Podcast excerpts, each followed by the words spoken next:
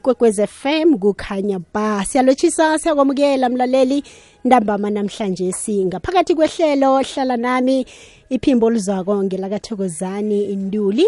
Sikuthulela ihlelo le-sabc education. Mlalele kokwezi fm kazi-ke ngihleli esitulweni sakhe lapha-ke ukurnaha um namhlanje si sikwamukela ehlelweni lapho sitsheje khona isiqephu sethu sechumi nakhomba i-episode number 17 okulihlelo olilethelwa mnyango wezefundo sisekelo ne-nect ngokubambisana ne-sabc radio education nekwekwezi fm kukhanya ba liza kuwe qobe ngelesine nayimachumi amathathu imzuzu ngemva kwesimbi yebunane ye kanti-ke bekubumbane lapha-ke isimbi yethoba. Kanti-ke namhlanje sike mlalelo kokwezi fm nawe mfundi ngapho ngekhaya ngiyacabanga ukuthi sowujame kuhle. Sizokutshetsha lapha-ke isifundo se-english i-first additional language ku-grade 9 kanti-ke eh, ukhona-ke umfundisi esikhambisana naye ngikhuluma la-ke eh, ngomem ulerato masuku. Nguye-ke mlalelo kokwez FM oza kuthoma nathi ihlelo lethu arage njalo-ke bekubethe isimbi yethoba. Ngiyakwamukela eh, miss masuku nivukile? Ivukile njani sisi? awa nathi sivukile. Sithokoze ukuthatha isikhathi sakho uzoba nathi namhlanje si ngaphambi bona ngikunikele-ke ithuba lokuthi-ke uragele phambili-ke nabafundi bethu besingisi ugrade 9 ngibawakhe sibhode ngapha. Ihlelweli ulilethelwa mnyango wezefundo sisekelo nect sabc education kokwezi fm aha-ke eh isikhathi-ke ngesakho-ke miss masuku nangu umfundi we-grade 9 ulalele Thank you for the warm welcome. It is a to be here. Good evening to the listeners as well as the learners, especially the grade 7s, the grade 8 and the grade 9s. I am Mem Masuku Sivia from Bohlabela District, Rinzani Secondary School, under Mariti Circuit. So, Tokozani, when we teach English as the additional language, there are skills that we want our learners to possess, hmm. skills that we need learners to enhance. So the hmm. skills that we will be focusing on today is language structures and conventions. Then our topic will be on direct and indirect speech. Learners, this is not a new topic. This is a topic that we have learned in class.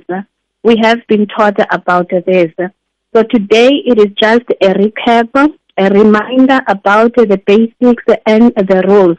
So wherever you are, may you please gather your utensils, let me say just like that. Please have your textbooks, have your pens and papers so that you may jot down some notes. First thing first, we need to know what is meant by direct speech, what is meant by indirect speech. So we need to unpack this so that then we be able to apply the rules and knowledge when we are asked to answer questions. First thing first, let's focus on direct speech. Direct speech, it uses the exact words of the speaker or the actual words spoken by somebody. It is indicated by inverted commas. So our direct speech, it consists of two parts. The first part is a clause containing an introductory verb. You may ask me, ma'am, what is an introductory verb? Introductory verb will mean words such as said, says, asked, asked, replied, replies, shouted, shouts. So if you may notice something in these examples that I have just said, is that they are both in the present tense and past tense. So this plays a very crucial role when we are going to change our sentence from direct to indirect speech. So after the introductory verb, we are going to also indicate the speaker. The introductory verb is always followed by a comma. Leonard, if you may write this phrase for me. John said, comma, John is my speaker, said is my introductory verb. it is followed by a comma. So the second part are the actual words that are spoken. And these words are enclosed in quotation marks or inverted commas. So the first word begins with a, a capital letter. I said, John said, which is my speaker and my introductory verb, followed by a comma. The words which are actually spoken, they are enclosed in quotation marks. So you are going to have your comma, open inverted commas. Leonard, please write this for me. I, in capital letters, am running late today. I am running late today. Full stop. Close your quotation mark. So I want us to unpack everything that I have said. In order for you to recognize that now your sentence is in the direct speech, you have your speaker, who is John, your introductory verb, which is said, it has a comma, open inverted commas, the actual words that John is saying, starting with a capital letter I am running late today. You have your full stop and your those inverted commas. So once you see a sentence in this fashion, you know that it is in the direct speech. But note something, my learners, that the introductory verb usually comes before the words that are spoken, just like the exact things and a question that I have given you. But also, do not be puzzled or do not be shocked if you find that the words that are spoken, they actually came first before the introductory verb. May we write the sentence again so that we may see what I'm talking about? Inverted commas.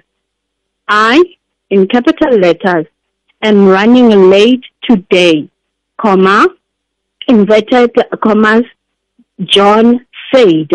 So if you may note something, the first, the first sentence, the introductory verb was at the beginning, but in this second sentence, the actual words that are spoken are now in the beginning. So it doesn't mean that the sentences are different. No, they are still the same and they still comprise of direct speech characteristics. So if you find something of this fashion, you know that your sentence is in the direct speech. So the punctuation marks that are in my sentence, they also play a crucial role to tell you that the sentence is in the direct speech. So learners, I think now we know how to be able to recognize that a sentence is in the direct speech. If we may have a second example, you may have introductory verbs such as asked. Let's go to that one. Mother asked, comma, where have I put my keys? Question mark, your inverted commas again. Mother asked. If you may note something there, my introductory verb is in a form of a question, a question verb. So where have I put my keys? The where is a question word. At the end, you have your question mark. The question mark tells me that the sentence in the direct speech is in a form of a question. So also, just because your your your your your sentence in the the the, the question uh, sentence is in a form of a question, it does not mean that it has changed. No, it is still the same.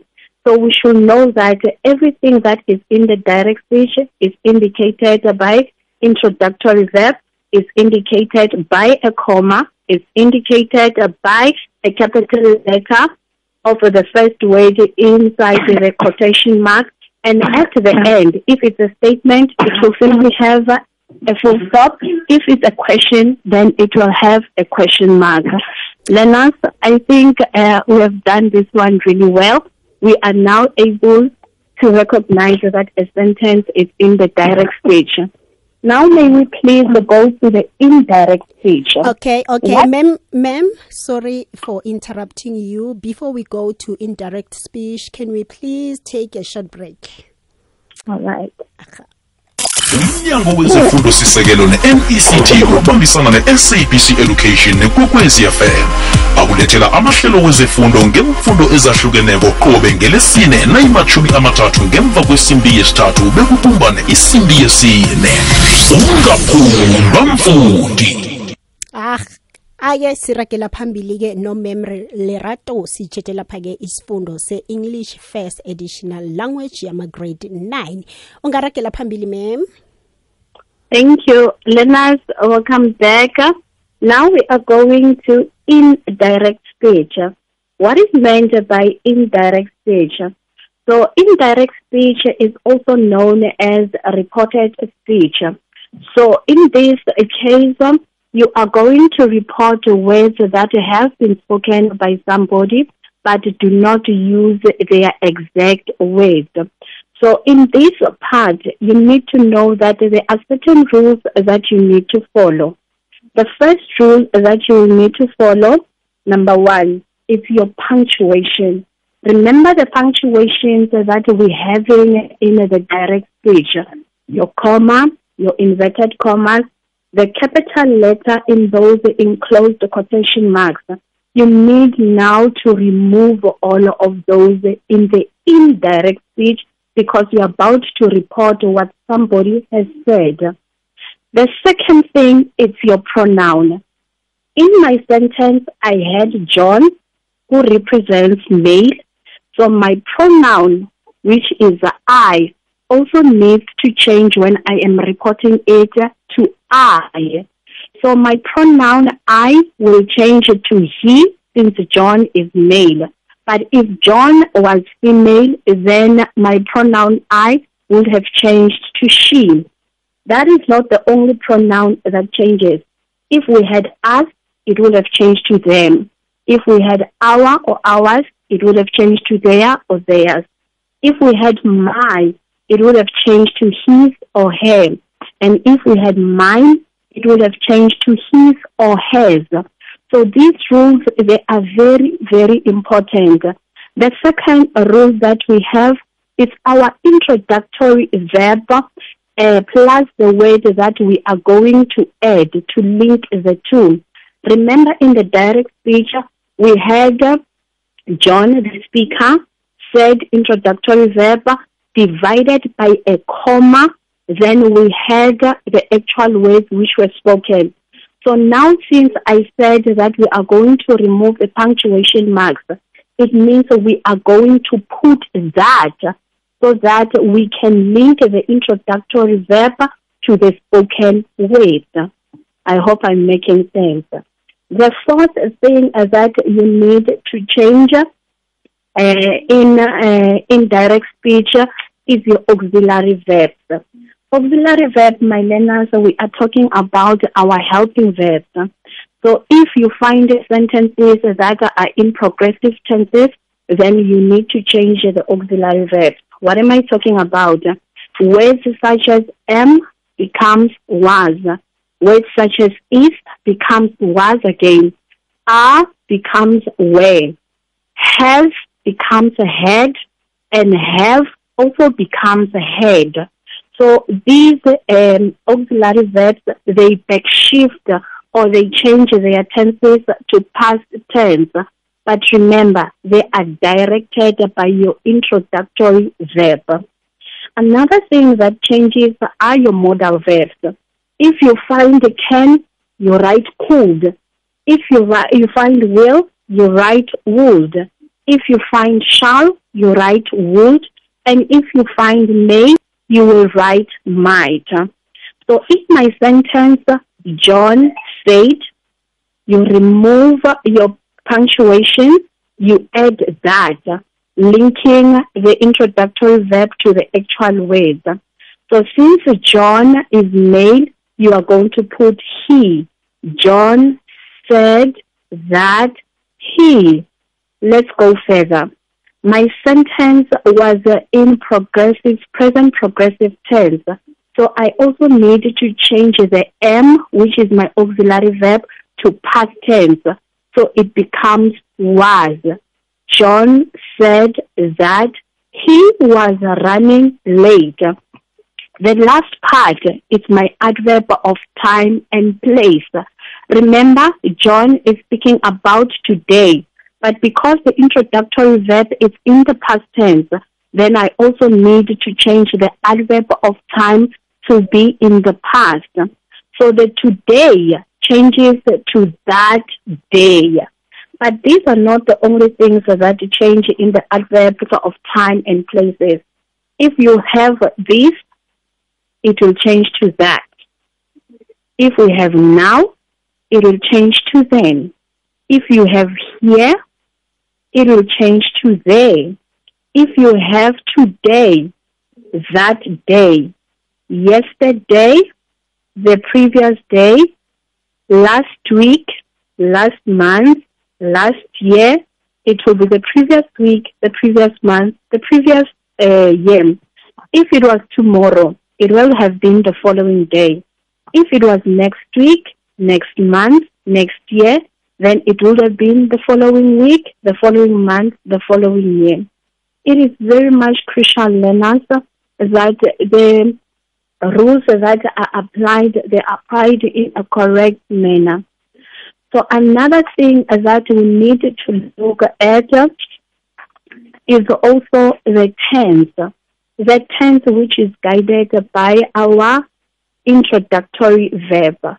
I think you will note something. In everything that I have said, I'm always speaking about the introductory verb. The introductory verb. It's because it plays a crucial role in the reported speech. So here's that sentence again. John said, comma, I am running late today. You have your enclosed quotation marks and a full stop. Then in the reported speech, it's going to be now, John said that he was running late that day. Thank you very much. I hope now we are getting a clear picture of what uh, we have been saying. But okay also something okay memasuku okay asibambe lapho ke kwanamhlanje si isikhathi sethu ngiso esalako sithokoze khulu kwamambala Hi, sibongile kakhulu. Even though uh, we are not finished, but I hope that uh, Mm. uh, we'll get some time to finish uh, the topic. aha ke sithokoze khulu kwamambala ube nobusuku obuhle Thank you. Good night, Lenas. Bye. Aha-ke mlaleli kokwez FM ihlelo lethu lezefundo silibeka lapha-ke kwanamhlanje. Sike sizokuchinga-ke endabeni zephasi engombana-ke kunomdlalo webholo erahwako mina nawe sizohlangana godu emahlaleni alandelako wezefundo khona la kukukwezi FM ihlelweli ulilethelwe mnyango wezefundo sisekelo MECT ngokubambisana nekwekwezi fm ne-sabc education